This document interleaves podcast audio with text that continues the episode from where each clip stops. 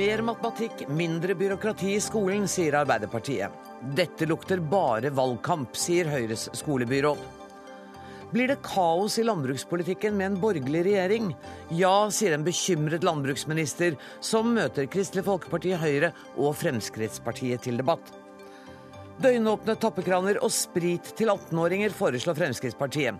Ikke akkurat en invitasjon til regjeringssamarbeid, mener Kristelig Folkeparti.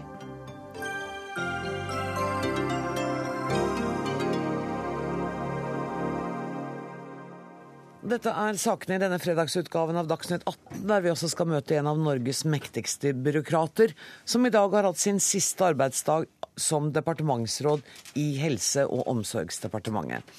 Men først. Mer matematikk, mindre byråkrati.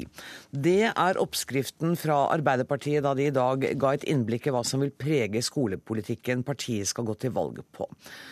Gina Onsrud, du er med oss fra Trondheim. Du er matematikklærer ved Nardo barneskole i Trondheim og vinner av Bernt Mikael Holmbos minnepris. Og det gjør faktisk at du kan smykke deg med tittelen 'Norges beste mattelærer'. Er det virkelig bare mer matematikk som skal til for at vi får en bedre skole her i landet? Jeg tror ikke skolen blir så veldig mye bedre hvis vi bare fortsetter med mer på samme måte. Så vi må nok inn med endringer rundt eh, ressurser og hvor mye tid læreren bruker på faglig arbeid og lærerutdanning. Så det er sammensatt problem. Og det høres ikke ut som det er noe kortsiktig prosjekt heller, hvis man skal forandre både lærerutdanningen og uh, hvor mye tid lærerne har til hver elev? Nei, det er jo ikke det. Det er ikke sånn som vi kan forandre over natta. Men vi må begynne i en ende, og så må vi jobbe oss framover til en bedre skole. Hvis du kan bare si kort, hva er det som gjør en lærer f.eks. til en god mattelærer? Det tror jeg må være eh, troa på at elevene lærer ikke nødvendigvis best ved at læreren viser dem et mønster. Eleven må være den aktive i læringa si. Han må, må jobbe sjøl og forske fram med læreren som veileder. Og det må jo da eleven få inspirasjon til å orke og gidde? Det må man få. Det, og det får de hvis du jobber på riktig måte. Marianne Aasen, du er leder av kirkeutdannings- og forskningskomiteen for Arbeiderpartiet. Det er jo dem som nå mener at Arbeiderpartiet nærmer seg veldig Høyre i skolepolitikken. Er du enig i det? Nei, det er jeg ikke. Jeg mener at Arbeiderpartiet i alle de år siden Bratteli var statsminister, som jo var Bratteli-seminaret hvor dette ble presentert, har vi vært opptatt av kvalitet i skolen. Og det var jo Trond Giske som nedsatte Kvalitetsutvalget, hvor Astrid Søgnen var leder, som for øvrig er utdanningsdirektør hos eh, Ødegård i Oslo. Eh, og, og, så, og, kvalitet, og vi har Kunnskapsløftet eh, har vi vært enstemmige om på Stortinget. Mm. Sånn at vi, vi gjør veldig mye bra i norsk skole, men vi er ikke fornøyde i Arbeiderpartiet. Så derfor lanserer vi nye tiltak, for nå er det nytt stortingsvalg. Ja, og nye tiltak det lanserte dere også i 2009 i Soria Moria-erklæringen, hvor det står vi skal legge til rette for flere lærere gjennom styrket kommuneøkonomi og ved å endre opplæringsloven for å sikre en maksimumsgrense for tall på elever per lærer på hver skole. Det er fint at dere har gjennomført det. Jo, vi har, vi har, jo gitt masse mer penger til kommunene. Dere har jo ikke gjennomført endring i opplæringsloven. Det er ikke en maksimumsgrense i dag. Vi har ikke lukka døra for det, men det vi har gjort i stedet, er at vi har eh, vi har innført eh, en øremerka pott hvor store skoler på ungdomstrinnet, som er det viktigste området å tilføre nye lærere, kan søke hvis de har dårlige resultater. og Det ser vi fram til. Det kommer til å bli bra, og det stemmer Høyre ned. Vi vil ha flere lærere inn i ungdomsskolen, eh, og det er en måte å gjøre det på. Torgeir Ødegaard, det er eh, dere i Høyre som stemmer ned de gode forslagene, skjønner jeg? Ja, det, sånn kan det høres ut. Uh, nei, det er ikke riktig. La meg først starte med å, å, å si noe positivt. Jeg syns det er bra at Arbeiderpartiet nå har lyst til å snakke om de viktigste tingene i norsk skole. Nemlig hvordan det står til med elevenes leseferdigheter, skriveferdigheter og regneferdigheter. Fordi det er ikke mitt inntrykk, og ikke mange andres heller, tror jeg, at det er det man har hatt fokus på de siste sju og et halvt åra. Det har vært mye skolefritid, leksehjelp med ufaglærte assistenter, en rekke nye valgfag som skolen har blitt pålagt å etablere til elevene, og ikke så mye fokus på det viktigste først, som noen av oss har etterlyst. Og Derfor så mener jeg kanskje også at dette lukter litt valgflest. Men er du ikke glad for at de satser på matte, da? Jo, jeg er veldig glad for at de sier de skal satse på matte. Men vi skal huske på at Arbeiderpartiet har vært i en helt unik situasjon. De har nå sittet med regjeringen i syv og et halvt år og de har hatt rent flertall. De har hatt mulighet til å gjennomføre denne matematikksatsingen og satsing på elevenes lese- og skriveferdigheter i de siste syv og et halvt åra, og det er ikke det de har snakket mest om. Så i realiteten så har vi mistet syv og et halvt år med en mulighet til å satse mye mer på basisfag og grunnleggende ferdigheter enn eh, det som faktisk har skjedd, og det syns jeg er beklagelig. Marianne Aasen. Nei, det, vet du hva, det, da, da prøver jeg å tenke tilbake til desember. Det er ikke så lenge siden, så vi burde klare å huske det alle sammen. At da ble det presentert eh, TIMS og Som er to store undersøkelser, som viser at det går veldig mye bedre med norske elever. Fjerdeklassingene de har den best, største framgangen i, i eh, matematikk i, på hele, hele OCD-området. Og, fem, eh, og, femte, og tiåringene de er best i matte i Norden. Vi har mye og fortsatt en vei å gå. Ikke minst så vet jo alle som er mattelærere det at det er nok å jobbe med i norsk skole. Men når det gjelder lesing, så går det enda mye bedre. Så det å snakke ned i gjennomføring av Kunnskapsløftet, det syns jeg er nesten eh, jeg synes nesten det er litt stygt gjort. Jo, men du det, sier at nei. ikke vi har fokus på kvalitet. Det er vi som ja. gjennomfører Kunnskapsløftet sammen med kommunene. Men, men, eh, og det viser at, at, vi får resultater. Men vi må fortsette. Og selvfølgelig, et Arbeiderparti vil ha enda mer kvalitet inn i skolen. Og derfor lanserer vi nye tiltak. Men jeg, er, jeg gleder meg veldig over den uh, fremgangen vi har hatt uh, det siste. Men vi må huske på fra hvilket utgangspunkt den fremgangen var. Altså Norge er, ligger fortsatt bak Kasakhstan i algebra, f.eks. Vi har ingen uh, elever på avansert nivå i matematikk eller i naturfag. Så vi har en lang, lang vei å gå før vi kan friskmelde norsk skole og, si, og før vi kan si at vi er fornøyd med de resultatene elevene våre oppnår i forhold til den ressursinnsatsen som Eh, setter inn, eh, vi setter inn. Og Da tillater jeg meg å si da, at jeg syns det er fint at Arbeiderpartiet nå, ni måneder før valget, etter å ha sittet syv og et halvt år i posisjon, begynner å snakke om eh, skoletiden istedenfor skolefritid. Og at de nå er opptatt av elevenes lese-, og regne- og skriveferdigheter. Men jeg er så uarbeidet at jeg også sier at jeg tror ikke noe på det. Jeg tror dette er et valgkamputspill, og ikke noe mer, dessverre. Men vi, nå syns jeg vi er litt sånn tilbake i det gamle sporet når det gjelder skoledebatter. For det Gina Onsrud sa, var at det hjelper ikke med mer av det samme. Eh, vi må ha lærere som er inspirerende. Det er elevene sjøl som skal gjøre det. Og det handler om hvor mye tid læreren har med eleven. Sånn at de gamle puggetimene er vi liksom ferdig med. Dere snakker som om vi bare får mer av det, så blir det bra. Nei, men nei, Vi gjør ikke bare det. for Det er jo flere ting da, som både sikkert Høyre og Arbeiderpartiet eh, går inn for. og En av de tingene vi går inn for, eller to ting, det er å gjøre enda mer med eh, etter- og videreutdanning av lærere. Sånn at de lærer ny metodikk. For det, vi, det som Gina Onsrud også har sagt i dag, er jo at vi er nødt til å Barna må være aktive. Må, lærerne må lære seg didaktikk, sånn at de skjønner hvordan de skal gjøre elevene aktive. For hvis du er aktiv, så lærer du mer enn hvis du er passiv og bare sitter og hører på. Og det andre vi skal gjøre, er at vi må ha en digital byro, et, et, må, byråkrati må gjøres digitalt. Altså, masse lærere bruker masse tid på rapportering. Mm. Det må mekaniseres sånn som vi gjør i resten av arbeidslivet. Der finnes det masse nye spennende ting som er på gang. Det må fort inn i norsk skole. Det er en av de tingene vi har lansert i dag. Dette er vel du enig i, Ødegaard? Jo, jeg er enig i det. Men det er, det er litt pussig å høre på Arbeiderpartiet. Jeg, liksom, de, de, altså, de, har, de, har, vært i en helt unik situasjon, tenker jeg, eh, når man driver med politikk. Å, være i regjering og ha rent flertall. Da, kan, når da regjeringen blir enig med seg selv, så kan de iverksette all den politikken de har lyst til. Og så sitter de nå etter syv og et halvt år med rent flertall og snakker om hva de kanskje skal gjøre. De har, de har ikke laget noe program ennå. Hva de kanskje skal gjøre hvis de vinner valget til neste år. Det syns jeg er veldig defensivt. Og hvis dette er viktig for Arbeiderpartiet, hvis det er viktig nå for Arbeiderpartiet å begynne å satse på basisfag og grunnleggende ferdigheter, ja, så kan de begynne på mandag. De bør ikke vente, eh, altså, de bør ikke vente til neste valg. Etter all sannsynlighet så er det ikke de som skal gjennomføre den politikken, det er det Høyre som skal gjøre. Men kjære deg, Torgeir Rødegård, dette sier du hele tiden. At vi kunne gjort det eh, i de syv årene. Vi har gjort masse, og det viser jo resultatene. Se på nabolandet. Hvor Moderaterne, søsterpartiet til Høyre, styrer. Der går det ned, ned, ned. Det gikk enda mer ned med Teams og Pulse-resultatene nå. De har privatisert skolen. Vi har satt inn masse tiltak sammen med Høyre, KrF, Fremskrittspartiet og alle de andre, andre partiene. Fått stortingsvedtak, og vi gjennomfører det sånn at vi har snudd den trenden. Og det er flere barn som leser mye bedre i norsk skole i dag enn da Erna Solberg satt og styrte. Jeg har, jeg har og det er flere som høre, regner bedre. Vi skal snakke litt mer med landets beste mattelærer. Gina Omsrud, nå har du hørt denne debatten. Hvordan oppleves virkeligheten fra ditt ståsted? Uh, først vil jeg bare si at jeg er enig med begge to i studio her. Da. At det, både er, det er ikke bra nok, men det er veldig viktig å ha fokus på at det har vært positiv utvikling. Uh, men for den som står i det i hverdagen, så går det for seint i utviklinga. Mm.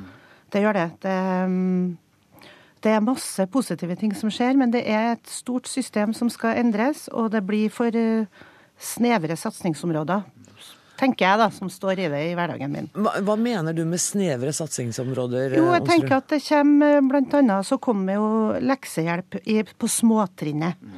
Som jeg tror hvis du kanskje hadde spurt eh, Norges lærere, så hadde de sagt at det var ikke riktig område å ha leksehjelp på. Sånn at det blir på en måte det som gjøres, gjøres, og så det, blir det på en måte ikke så veldig mye ut av det. Er politikerne for lite flinke til å høre på dere fagfolk? Ja, det er de. Vet du hva? Der fikk du rett og slett siste ord, og så er det en eh, oppfordring til politikere om å bli flinkere til å høre på fagfolkene. Tusen takk for at dere var med, Gina Onsrud, Marianne Aasen og Torger Ødegaard.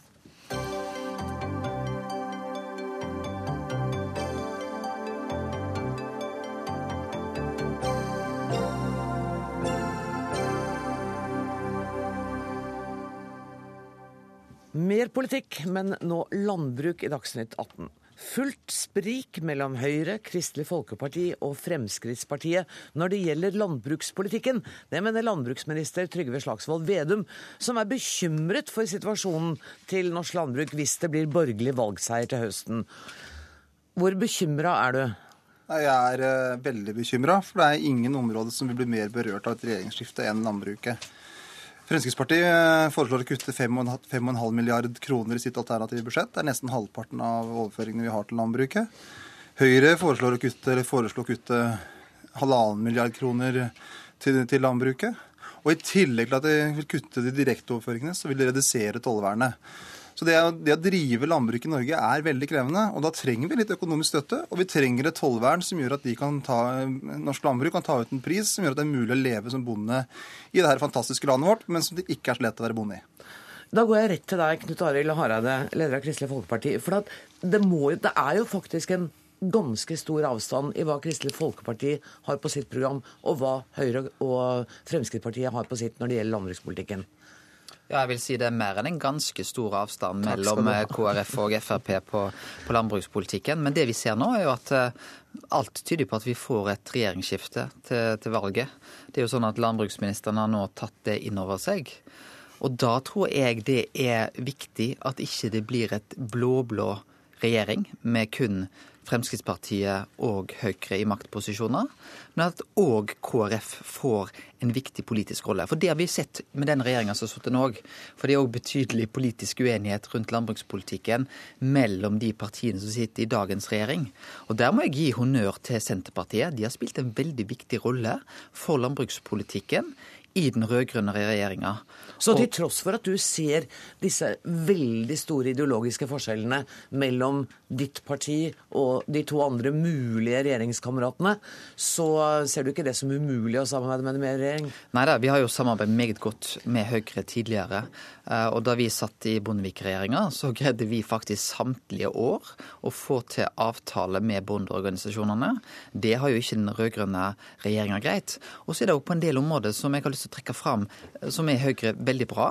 Altså Når vi ser på avskrivingssatser eh, til, til landbruket, når vi ser på det å fjerne formuesbeskatningen på arbeidende kapital. Du, det er vi... viktige ting eh, for norsk landbruk, som Høyre står i front for. Jeg klarer ikke å huske så mange ting av gangen, så jeg har lyst til å gå tilbake til landbruksministeren og konfrontere ham med det du sa, nemlig at det, var, det har jo ikke akkurat vært en enhetlig politikk mellom de tre partiene som nå regjerer heller, da. Nei, det... Og dere har jo klart det. Det er ulik vektlegging. Men det er en dramatisk forskjell mellom avstanden var mellom Arbeiderpartiet, Senterpartiet, SV enn mellom Høyre og Frp. Eh, for det er, det er fire partier som har vært hovedenige i retningen i forhold til jordbruksavtale, i forhold til tollvern. Eh, og Derfor har vi fått til eh, gode opplegg, men selvfølgelig vi vil alltid mye bedre. Og nå i høst, den saken om tollvernet viser hvor store landbrukspolitiske skiller det er. Erna Solberg var når hun var i Storbritannia, hun snakka norsk landbruk ned. Svein Flåtten sa det første han ville gjøre når han ble landbruksminister, eh, hvis han ble det, eh, før han tok av seg frakken, sa han, det var eh, å fjerne prosenttollen. Og, og, og, Frp og Høyre var mer opptatt av å snakke danske bønders sak enn norske bønders sak. Og Skal vi ha et landbruk i Norge, så må vi prioritere landbruket. Og så er det viktig å huske på i Bondevik II. Det het Bondevik II. Kjell Magne Bondevik var statsminister. Eh, og da var det det oppgjøret som var på ca. tilsvarende tidspunkt som nå, var på minus 400 millioner. Og KrF modererte. Nå skal Frp inn og forsterke Høyres ødeleggende landbrukspolitikk. Og KrF skal forsvare alkoholpolitikk, bistandspolitikk, kommunepolitikk, distriktspolitikk. Kanskje det, det blir Hareide igjen, hva vet du? det som er så forunderlig, det som er så forunderlig er at KrF vil gå i regjering med to partier de er nesten mot alt står for. Og Da bør vi heller samarbeide med de partiene de er litt enige med. Og i landbrukspolitikken så er det ingen tvil om at KrF er mye mer enig med Senterpartiet enn det er med Høyre og Frp. Inviterer du til et framtidig regjeringssamarbeid med Kristelig Folkeparti her nå? Jeg mener at de partiene som er mest enige bør samarbeide, og det er Arbeiderpartiet, Senterpartiet, SV og KrF. Mens eh, av en eller annen valgtaktisk grunn så ønsker jo KrF å samarbeide med Frp, som f.eks. da vil rasere norsk landbruk, som f.eks. vil liberalisere alkoholpolitikken til det helt ugjenkjennelige. Uh, Torgeir Trædal, uh, du er landbrukspolitisk talsmann i Fremskrittspartiet. Dere vil rasere landbruket? Det er jo bare tull, det som kommer fra Senterpartiet her. Vi har jo en annen type landbrukspolitikk. Vi ønsker å gjøre det på en eh, litt annen måte enn eh, det eh, Senterpartiet gjør i dag. Senterpartiets politikk, eller regjeringens politikk, har i dag visst at den ikke fungerer. Er, man har altså konsesjonsgrenser som gjør at man bl.a. nå har for lite kylling, og man har tidligere for lite melk, for lite pinnekjøtt, for lite ribbe. Man har altså nedleggelse av tre gårder per dag legges det ned i, i, i landet i dag med, med rød-grønn regjering og alt går gale veien. Vi ønsker derimot å, å, å gjøre det på en litt annen måte. Vi ønsker bl.a. Å, å kjøre avskrivningssatser opp på maskiner på bygninger. Vi ønsker også kapital, eh, kapitalsystemet å omstilles. I dag så er man, eh, er man forplikta til å være et enkeltmannsforetak, og man har en beskatning til oppimot 50 Men derimot, hvis man legger opp til at man ikke ta alle punktene, men, men, kan jeg bare spørre deg, er det riktig at for da, Nå har vel bondeorganisasjonen regnet ut at dere vil kutte i overføringer til landbruket med ca. 5 milliarder kroner, stemmer det? Ja, vi, altså, Det stemmer ikke. Det altså, det stemmer, vi vil kutte ca. 5,5 milliarder på, på, den ene sida, ja. men så gir vi tilsvarende tilbake på, på avskriving på maskiner, på kapitalding og reduksjoner i, i, i, i tollvern, som går bl.a. på eh, på kraftfôr og sånne ting. Så når den eh, totalsummen kommer opp, så, så vi, eh, kutter ikke vi noe mer enn det som enn det som de andre gjør. Og Jeg vil heller påstå at bøndene kommer mye bedre ut med en, en politikk som vi har. Ok, Svein Flåtten, nå må Høyre få lov å komme til her også. Du, hvor langt på vei er du enig i Fremskrittspartiets politikk når det gjelder landbruket? Jeg er først og fremst enig i vår egen politikk. Ja, men nå er vi her for å snakke om hvordan mulighetene er for å få til en felles landbrukspolitikk. Fordi at Det landbruksministeren nå er bekymra for, er at det blir kaos hvis det skulle bli en borgerlig seier. Så vi prøver liksom å rydde litt opp i det. Jo da, men hvis man skulle ta landbruksministerens bekymringer alvorlig hele tiden, så ville man ikke komme langt. Men det vi er enige med Fremskrittspartiet om, det er veldig mye av dereguleringene på kvoter på konsesjoner, en god del på skattepolitikken, så er vi uenig i de store kuttene som de har foreslått. Vi har også kutt i våre budsjett. Ca. 1 milliard, eller? Godt og vel. Ja, Godt og vel, ja, Jeg sier det for statsråden. Slipper han det. Men det som er verdt å legge merke til, er at våre kutt de går ikke inn mot produksjon. De går ikke inn mot lønnsomhet. Vi vil gjerne at det skal være mer produksjon, mer lønnsomhet, og derfor så kutter vi på det som er rundt landbruket. Altså alt i landbruket, all budsjettstøtten, går ikke direkte inn mot produksjon og lønnsomhet. Det tror jeg heller ikke Trygve Slagsvold Vedum vil underskrive på. Man kan spørre bønder, man kan spørre de som hører til i matvareindustrien, som vil si at det fins en god del å gå på her. Vi vil bruke de pengene på en annen måte for å stimulere til produksjon.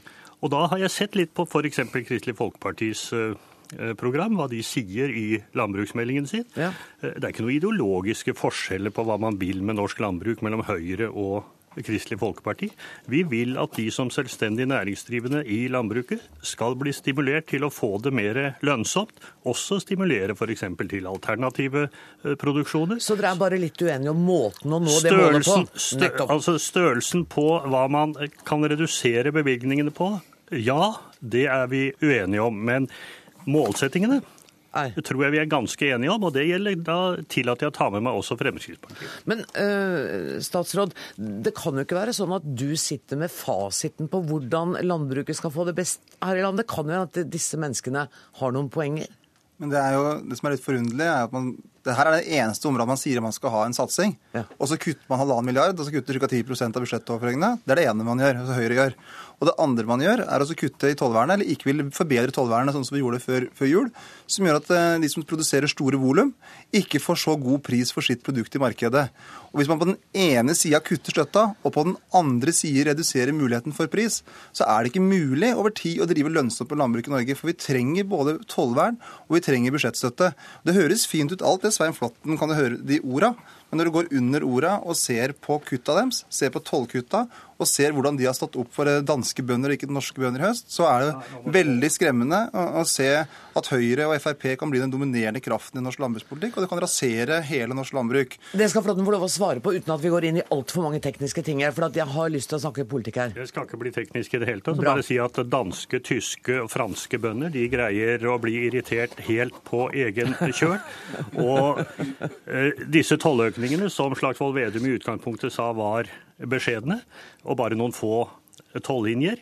De snakker han om hver eneste gang han snakker om landbrukspolitikk, men de kan ikke berge det totale norske landbruket. Tvert imot så vil de gjøre råvarene dyrere for norsk matvareindustri. Det svarer aldri Slagsvold Vedum på. Men, men, kan vi til slutt, for da, altså, Nå har eh, statsråden sagt at det vil bli kaos hvis det blir et, et borgerlig flertall ved valget, mens du har sagt at det vil være udemokratisk å gå inn i forhåndsforhandlinger om dette på dette tidspunktet. Ja, Det å gå inn i forhandlinger om, om hvert enkelt tema, det tror ikke jeg er riktig. Nå men dette er jo et sentralt tema? Eh, ja, men det er klart at uh, akkurat nå så kan vi se ut som at det, det ligger på kanskje for Høyre Fremskrittspartiet et flertall alene. Jeg tror det vil få veldig stor betydning at nettopp eh, KrF har en finger med i spillet på landbrukspolitikken. Dette er et veldig viktig område for oss.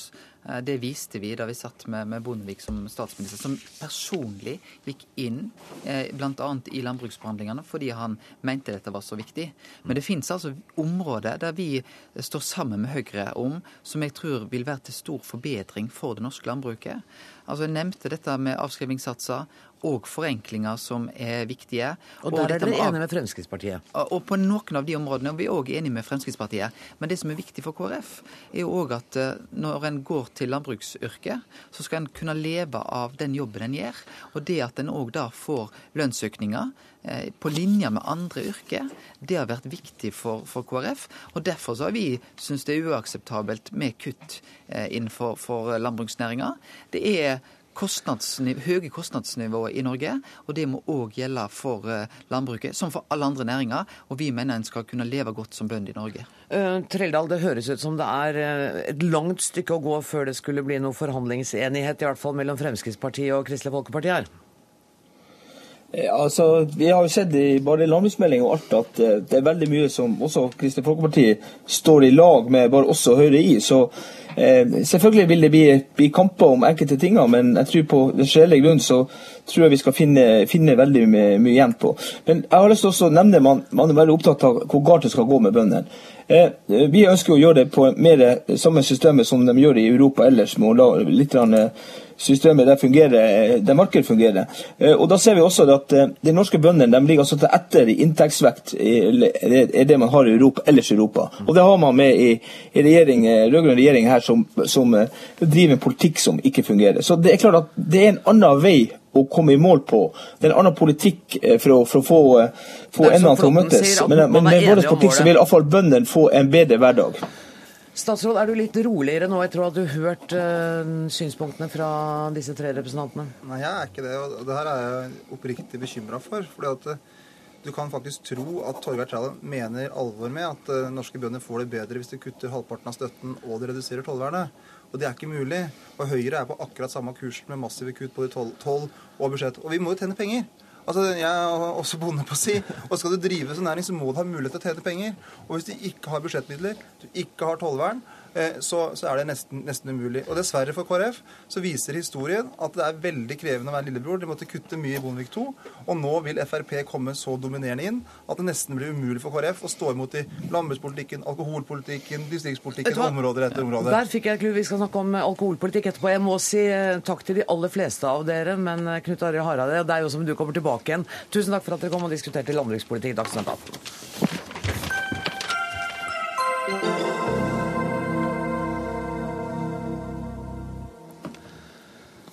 I går utspilte det seg nok en skyteepisode på en skole i USA. President Obama har bedt sin egen visepresident Joe Biden om å lede et utvalg som skal legge fram et forslag om økt våpenkontroll, og førstkommende tirsdag kommer forslaget for Kongressen. USA-korrespondent Anders Tvegård, hva vet du om det forslaget som blir lagt fram?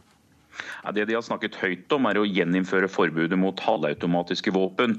Sørge for en innstramming i hvor stor magasinene kan være, og også tette hull, slik at alle som kjøper våpen, må bakgrunnssjekkes. Men det handler ikke bare om våpensalg og tilgang, men også den amerikanske kulturen. Joe Biden han har også hatt møter med underholdningsindustrien, de som lager filmer, spill, for å høre hvordan de kan være med på å begrense våpenvolden. Ehm, her i Hollywood hvor jeg er nå, så er det ingen frykt for at Det hvite hus vil slå ned på bransjen, men heller en forventning om større samarbeid og bevisstgjøring. Ja, Han har jo møtt eh, flere organisasjoner. Han har møtt lederne i våpenlobbyen NRA for å drøfte rapporten. Har du inntrykk av at de er villige til å samarbeide nå? Ja, Det er tvetydige meldinger derfra. Det de sa i går var at møtet handlet lite om å trygge barn, men heller å ta fra dem grunnlovsfestet rett til å ha våpen. NRA det er en sterk lobby med fire millioner medlemmer. De bruker millioner av dollar på politiske kampanjer. Denne uka så er det oppretta nye interesseorganisasjoner som skal være en motvekt til NRA. Blant annet står eh, Gabby Giffords bak en av dem. Det var hun eh, kongressrepresentanten som ble skutt i Arizona for to år siden. Det kommentator Torer sier her at NRA og Det hvite hus snakker forbi hverandre. Her handler det om tiltak begge sider lett kan enes om, f.eks. bakgrunnssjekk. Men så blir det en dragkamp likevel. Har eh, Obama mulighet til å få dette gjennom dersom han ikke får flertall i Kongressen, og det får han vel sannsynligvis ikke? Nei, altså Representanthuset har, er i dag dominert av politikere som støtter friheten til å ha våpen, og det er lite sannsynlig at det blir store endringer. Dette her handler like mye om presidentens arv og ettermæle. Han bruker stor politisk kapital nå på å vinne diskusjonen. Han har et vindu på et halvt år til å få gjort noe før nye valg overtar agendaen. Våpendebatten koster ikke penger, bare en holdningsendring. Presidenten vil ha gjort noe. Han kan handle på egen hånd, f.eks. utstede presidentdirektiver. executive orders eh, som ikke trenger Kongressens støtte. Eh, et eksempel på det er utvidet bakgrunnssjekk og at opplysningene holdes lenger i registeret. Ehm, F.eks. Eh, dette er da eh, ting han kan gjøre uten at Kongressen må være med. Tusen takk for at du var med i Dagsnytt 18, Anders Tvegård. Geir Lundestad, du er USA-ekspert. Eh, hva er president Obamas ideologi på dette området med våpen? Vel, Utgangspunktet hans var jo ganske klart. Det var jo at han ville ha våpenlovgivning. Og Dette kom jo inn i programmet i 2008, da han ble valgt som president. Så så det at demokratene og Obama ønska seg strengere våpenlovgivning, det var ganske klart. Men han har jo ikke lagt to pinner i kors da, fram til nå, fordi at uh, han regna med at uh, det ville bli veldig vanskelig å få gjennom noen våpenlovgivning. Han hadde helt andre ting.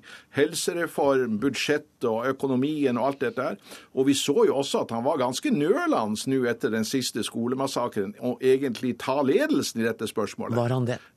Han var egentlig det. Men etter en viss tvil eh, så, eh, så, har han jo da tatt eh, ledelsen i dette spørsmålet. Men hva han egentlig får til, det gjenstår å gjøre noe å se. Og Vi vet jo ikke helt hva forslaget innebærer. Nå sa han at det vil være utvidet adgang til å oppbevare registre og til å ja. gjøre bakgrunnssjekk på de som skal kjøpe. Men noen radikal endring ligger det vel trolig ikke her? Eh, altså Obama har jo allerede sagt at det er tre ting han eh, går inn for. Eh, det er jo for det første dette er et forbud mot halvautomatiske våpen.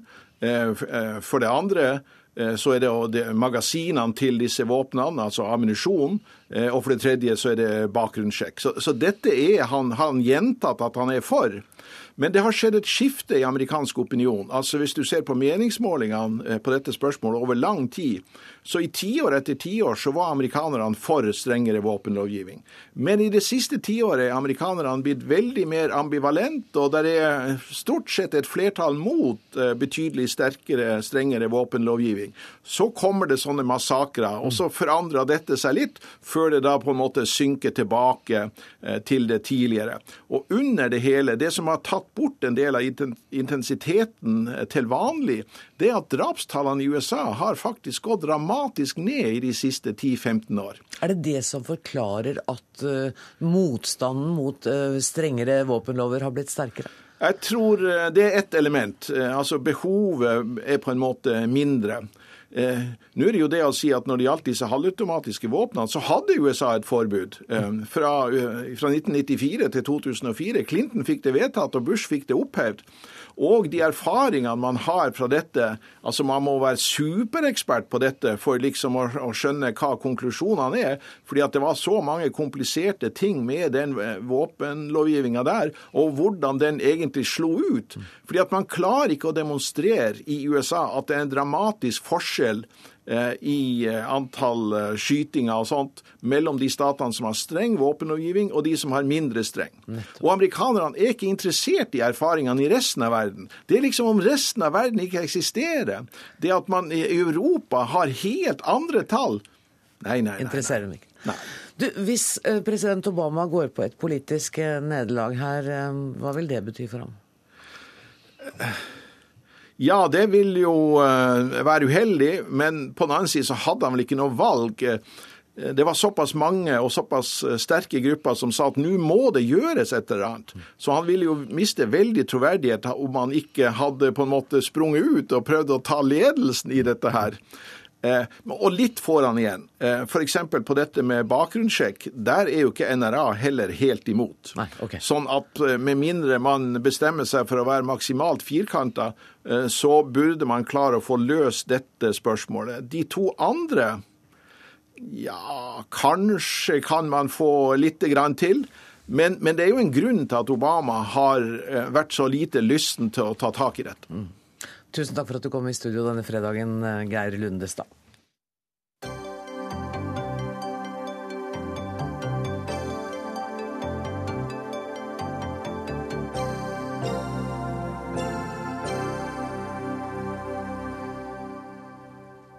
Opphev skjenketidene og la 18-åringene kjøpe sprit. Det er noen av forslagene til Fremskrittspartiets nye program der partiet også vil at utsalgstidene for øl skal utvides.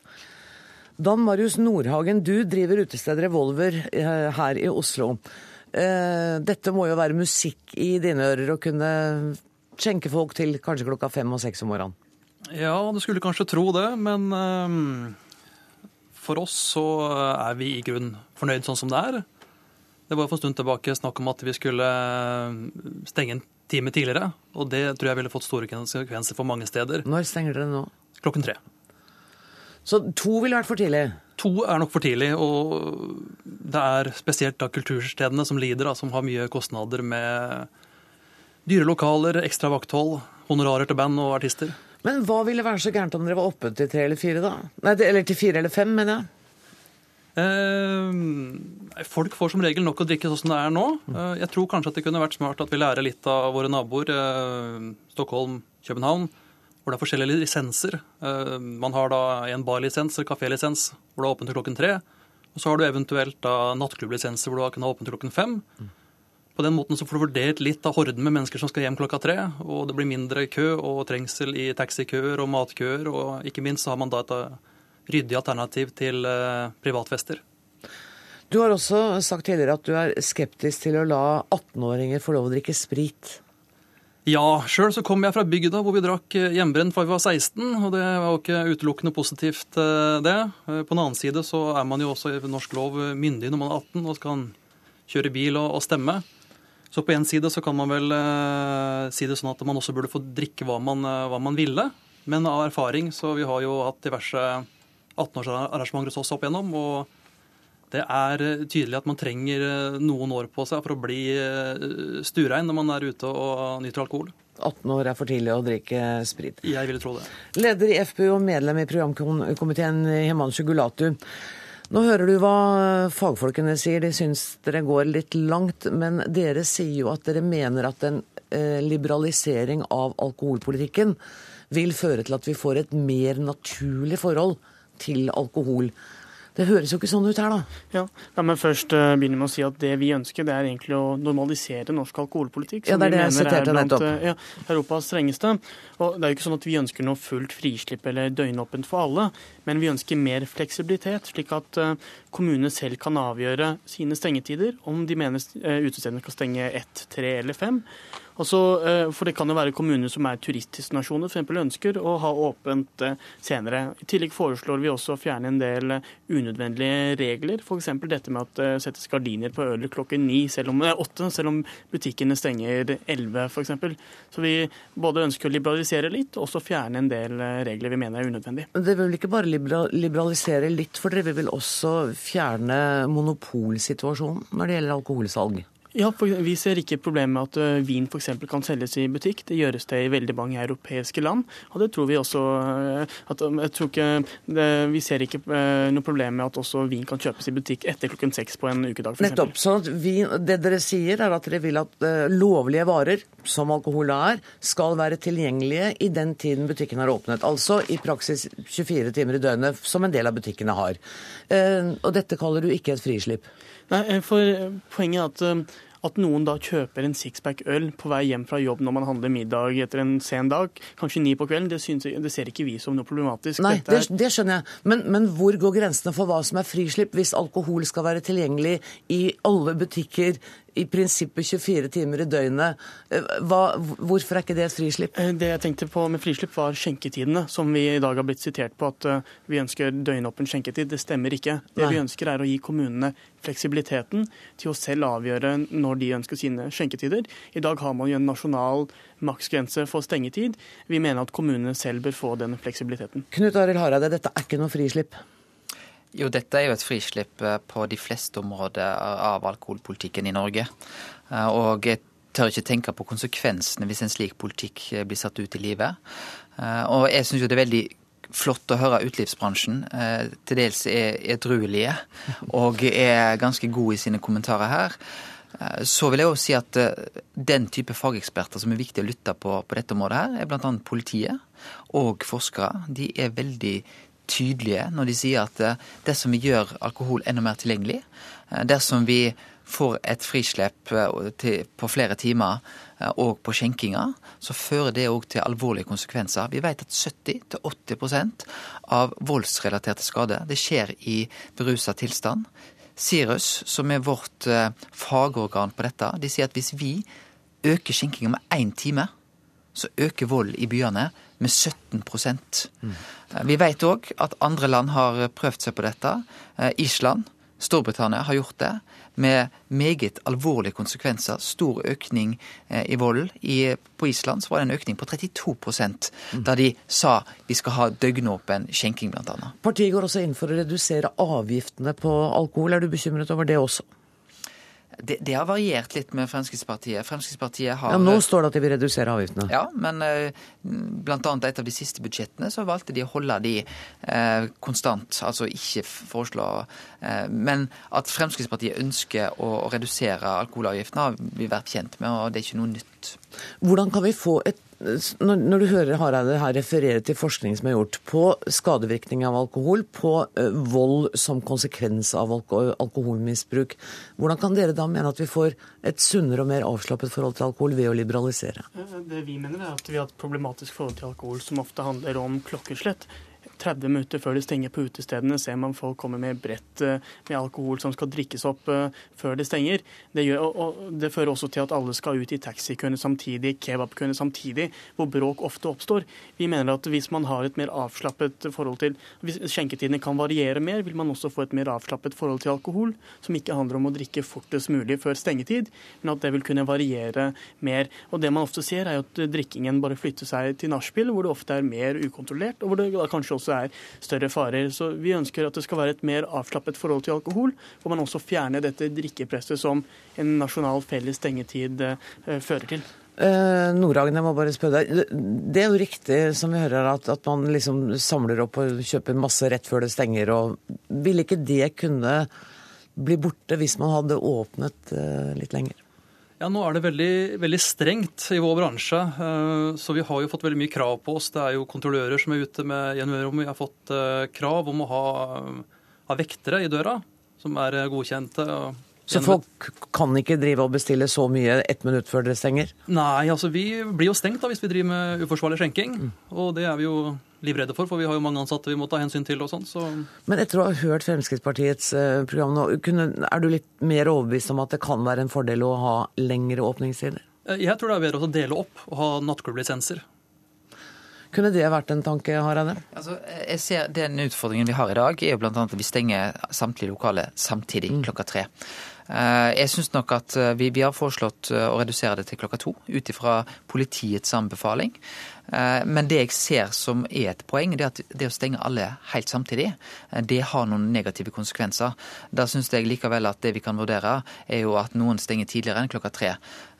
Nå har dessverre regjeringa sagt at de ønsker ikke å, å, å, se på det. Jeg mener det er et meget godt forslag. Dessverre ser det ut til at KrF står alene om det. Når vi snakker om det med alkoholavgifter, og redusere det, så er det sånn altså, det er veldig tilforlatelig ut for de som kjøper alkohol og tenker ja, nå blir det billigere. Men det er jo direkte feil. Mm. For vi vet jo det at hvis vi reduserer alkoholavgiftene, ja, da øker jo samfunnskostnadene, da øker volden, som gjør at kostnadene i samfunnet øker mye mer mm. enn det vi reduserer alkoholavgiftene. Så regnestykket for uh, For de... samfunnet, tenker du, men for den enkelte av oss? Nei, men òg for den enkelte. Okay. Fordi at uh, Anne Gosvolds skatteregning den vil øke ja. om hun får kjøpe noen kroner billigere på polet. Eh, Harade, det vi har sett i Dagsnytt 18 i dag, er jo at det er to sentrale områder hvor det vil være svært vanskelig for Kristelig Folkeparti å inngå i et eventuelt regjeringssamarbeid med Fremskrittspartiet. Ja, og det er òg to områder som er veldig viktige for eh, KrF. Eh, landbrukspolitikk og alkoholpolitikk. Og vi kunne, Men, kunne også ha snakket om kontantstøtten. Ja, Eh, men likevel... Har vi nå avskåret mulighetene for et samarbeid mellom Kristelig Folkeparti og Fremskrittspartiet i et, eh, eventuelt etter valget? Nei. Eh, det som er tydelig for KrF, vi ønsker å få til et skifte. Men det er klart vi ønsker å få til et skifte i en politisk retning som vi kan forsvare. Og det er viktig for KrF at vi får en politisk tyngde nettopp til å kunne stå fullt og helt inne for den alkoholpolitikken som blir ført etter september 2013, og det samme f.eks. På, på landbrukspolitikken.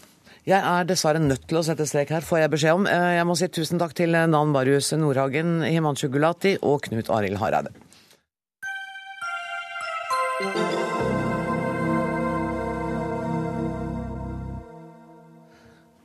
Etter morgen etter to snøskred i Hemsedal i jula, der to personer omkom, uttalte Hemsedal skisenter at de ikke har ansvar for skiløpere som beveger seg på utsiden av preparerte løyper.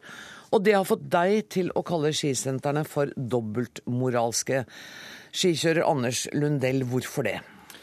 Det som eh, jeg reagerte på, var at eh, sjefen i Hemsedal skisenter uttalte at han ble trist av å se folk kjøre utenfor løypene det var på en måte litt dråpen som fikk begeret til å renne over for meg. For der syns jeg at han på en måte tråkker over en, en, grense for hvordan han skal omtale sine kunder.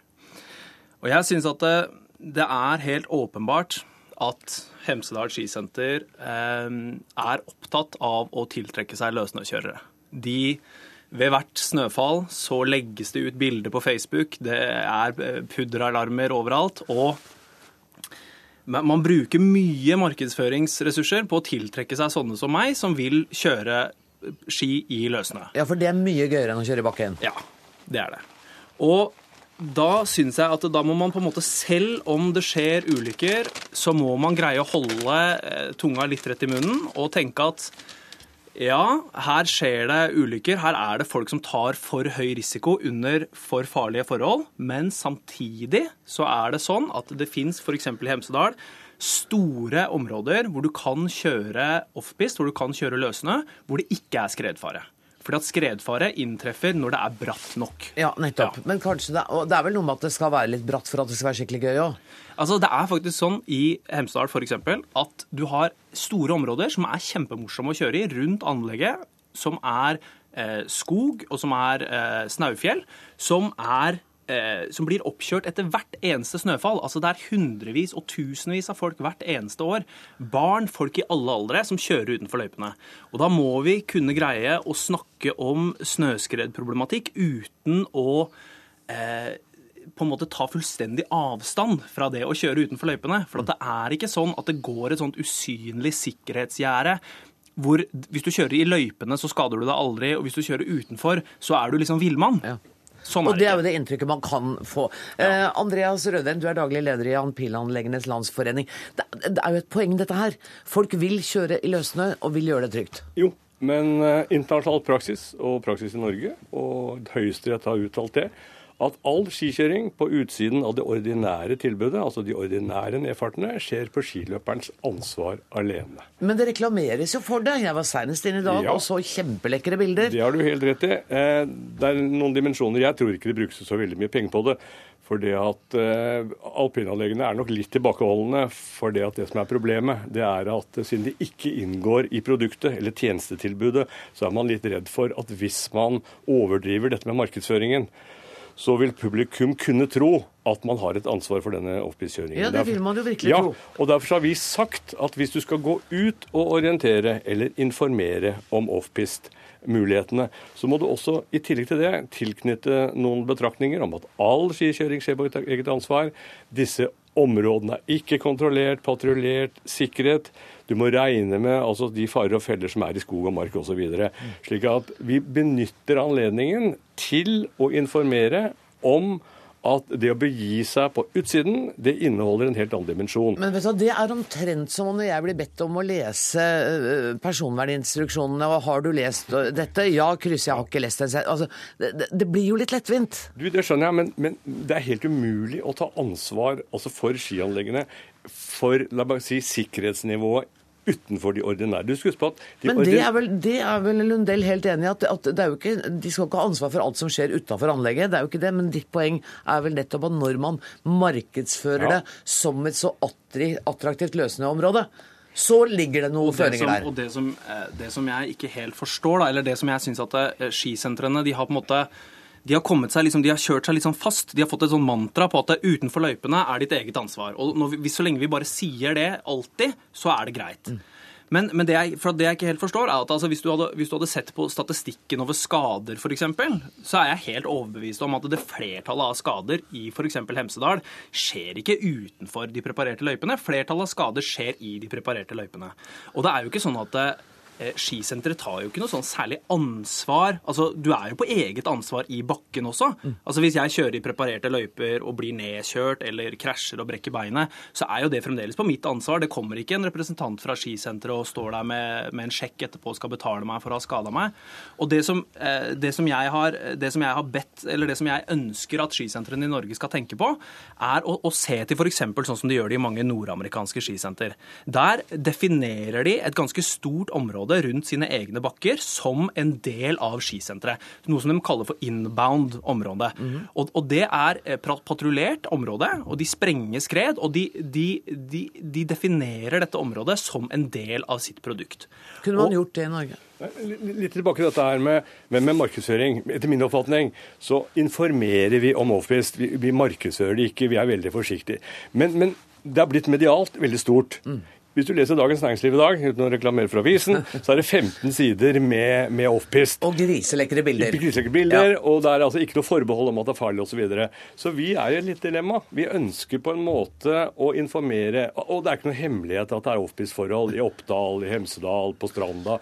Så vi, vi, ønsker, vi synes ikke hvis, altså vi mener jo at det, det, er ikke noen bevart hemmelighet. Nei. I forbindelse med at man sier muligheter for opphist, så syns vi det er fint å komme med den informasjonen ja, som det, gjelder det for ski... Men dette forslaget om å, å kanskje jo. gjøre områdene Ha uh, muligheter for at det kan sprenge skred kontrollert, jo. at man har vektere som går der, at man vet Vet at pinnanleggene er kommersielle. Og de gjør jo selvfølgelig det, det, lønner det som lønner seg og tjener penger på.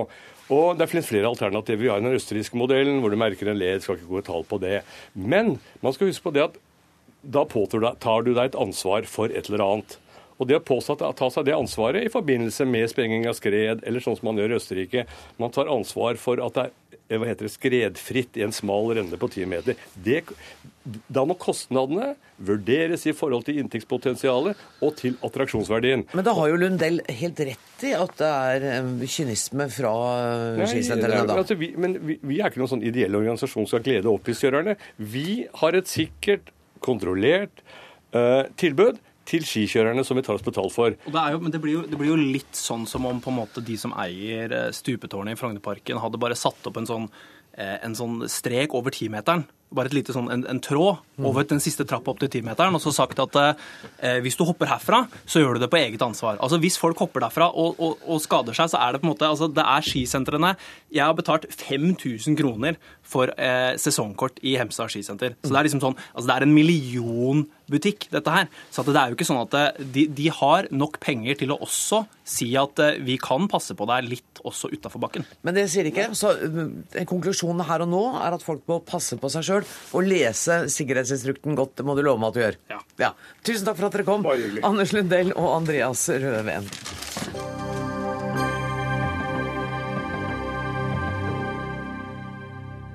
Inn i studio kommer Helse-Norges mektigste kvinne. Hun har arbeidet for 35 statsråder, 11 av dem i Helsedepartementet. Hun synes at byråkrat er en heders, hederstittel, og har tilbrakt hele sitt yrkesliv i embetsverket. Det er ikke en viktig helse- og familiesak hun ikke har hatt fingrene i de siste 45 årene, blir det vel? Og de siste tolv årene har hun altså vært departementsråd i Helse- og omsorgsdepartementet. I dag overlater hun ansvaret til sin etterfølger Bjørn Inge Larsen. Anne Kari Lande Hasle, hjertelig velkommen. Tusen takk. Jeg vet det har vært feir, ja, markert, det har vært en liten fest der nede i dag. Ja. Åssen var det, ja? Det var overveldende å være i Parkveien med flere hundre mennesker. Mm. Og helt fantastisk. Men jeg tror det vil ta litt tid før jeg liksom tør la alle de pene ordene synke inn. Men det var utrolig morsomt. Du begynte i eh, helsebyråkratiet under Carl Evang. Ja. Hva var det som gjorde at eh, han hadde sånn makt at han fikk deg til å bli der i så mange år? Altså, jeg jobbet i Uteseksjonen, og den gangen var det helt nytt. Og Carl Levang i sin siste år som helsedirektør interesserte seg og så på det nye narkotikaproblemet som kom til landet. Og han ville ha en sekretær til sentralrådet. Sentralrådet til bekjempelse av narkotikaonde. Jeg skulle ikke vært tvil om eh, hva dette handlet om. Og da var det jo en vedtatt på allmøte i Uteseksjonen at jeg skulle gå og la meg intervjue av Carl Evang. Og jeg syntes jo det var helt strålende morsomt. Jeg hadde ikke tenkt å skulle jobbe i byråkratiet, jeg skulle jobbe med mennesker. Men etter to og en halv times intervju med Carl Evang, så, så hadde jeg sagt ja. hadde sagt ja til en jobb, og det endret jo selvfølgelig mitt uh, arbeidsliv totalt. Jeg har visst om deg og møtt deg i kanskje 25 år. Og hver gang så tenker jeg dette er en av Norges mektigste byråkrater. Og så ser du så utrolig mild og blid ut. Så fikk jeg vite i dag da jeg gjorde litt undersøkelser, at du har altså en evne til å skjelle ut folk. Eh, på det aller tydeligste. Både kolleger og statsråder. Skjer dette ofte, Anne Karin Hasle? ofte, men når det er nødvendig. Og da er det tydelig? Altså, eh, Jeg tror ikke det er noen tvil. Helseministeren sa jo i talen sin til deg i dag mm. at du har evnen til å be en statsråd reise et visst sted, og samtidig få ham til å glede seg til turen. Hva er det mest vanlige du sier når du er forbanna på en statsråd? Det dreier seg jo som regel om mulige utspill, forslag, hvordan gå videre, hvor forberedt er man og ikke. Mm. Og alt handler jo selvfølgelig om vil statsråden lykkes med den jobben som gjøres. Jeg er aldri sint på egne vegne. Er du ikke? Nei, det tror jeg ikke. Fordi at man, man, det har jo vært, Fra tid til annen kom jo den diskusjonen opp. Er det embetsverket som styrer eh, norsk politikk, eller er det den politiske ledelse? Er det ikke litt sånn at du styrer? Jeg styrer i forhold til det som den til enhver tid sittende statsråd ønsker. Men så er det så fort gjort å plutselig ville noe annet. Og så har man satt i gang en stor snøball og glemmer at nå kommer det hele. Og hvis man da ikke, hvis jeg ser at en statsråd ikke ser at nå skjer det ting, da er jeg nok med på å styre i forhold til hva gjør du nå? OK, du kan godt foreta de valgene, men da skjer det og det. Men du er ikke en sir Humphrey fra uh, Yes Minister, som, uh, som, jeg vet også statsråden snakket om i dag, uh, som har din egen agenda og overkjører statsrådene? Nei. Er, Nei. Er du litt lettet over at du slutter som departementsråd akkurat nå, når det bråker som mest i helseforetakene, på sykehusene, om, med pasientombudene? Nei, det er jo Nei, på ingen måte. Det er ikke derfor jeg skal føle meg lettet i dag. Jeg skal føle meg lettet for at jeg i 2007 bestemte meg for å gå av når jeg ble 67. En departementsråd må tilpasse også sin avgang til stortingsvalg. For det kan være mulige skifter, og da skal eh, de nye ha mulighet for å læres opp. Det jeg er lettet over, er at eh, det faktisk går bra med Helse-Norge. Og det er eh, store debatter, og det bør det være. Fordi helse og omsorg er så utrolig viktig for folk. Men mange har jo sagt at denne svære omleggingen har gått for fort. Er du enig i det? Nei. Og grunnen for det er at vi snakker om 100 000 ansatte. Vi snakker om investeringer i milliardklassen. Og i det øyeblikk det begynner å gå veldig sakte og usikkerheten om hva som skal gjelde og gå, så renner penger og folk ut. Så du må kjøre alle store prosesser grundig, utredet godt. Og når de er vedtatt, så må, må det på kortest mulig. Du, jeg har altså ringt og snakket med han som kaller seg Læregutten, men det gjør han vel bare til klokka tolv i natt. Altså Bjørn Inge, Inge, Larsen, som nå overtar som departementsråd. Og så, så måtte jeg spørre ham liksom, hva er, hva er det verste med Anne Kari Lande Hasle? For dere har kjent hverandre i mange år. Og så sier han at jo, det er ufordra du er ufordragelig dyktig til å lese dokumenter og forstå budskapet og korrigere det til godt norsk på 1, 2, 3. Og han, det første han kommer til å gjøre, er å si til sine medarbeidere at det er det slutt på nå. Dette må dere ordne opp i sjøl. Hvor, hvor, har du lært dette hen? Det har vel fulgt med helt fra når vi har gått tilbake til Evang. Jeg ble altså Da var jeg 25 år rundt det. Og da ble jeg innkalt til han hver, hver gang jeg har vært ute og reist, hver gang jeg har gjort noe, klokken åtte neste morgen. For å presentere hva var det som har skjedd, hvordan var folkene, hvem tror du på, hvem tror du ikke på. Er noen her vi kan bruke senere? Så det er klart at han trenet meg opp til å sette meg inn i dokumentet, så var jeg ikke helt uerfaren på det for forhånd. For jeg liker jo å, å, lese og sette meg inn i ting. Men den ble drillet. Og den drillingen fortsatte jeg kanskje med på egen maskin, for jeg så at det betød så enormt mye senere. Et annet trekk ved deg har vi så vidt vært inne på. Dette er dette med at du er så lettrørt, og det snakket vel også Jonas Gahr Støre om uh, i dag.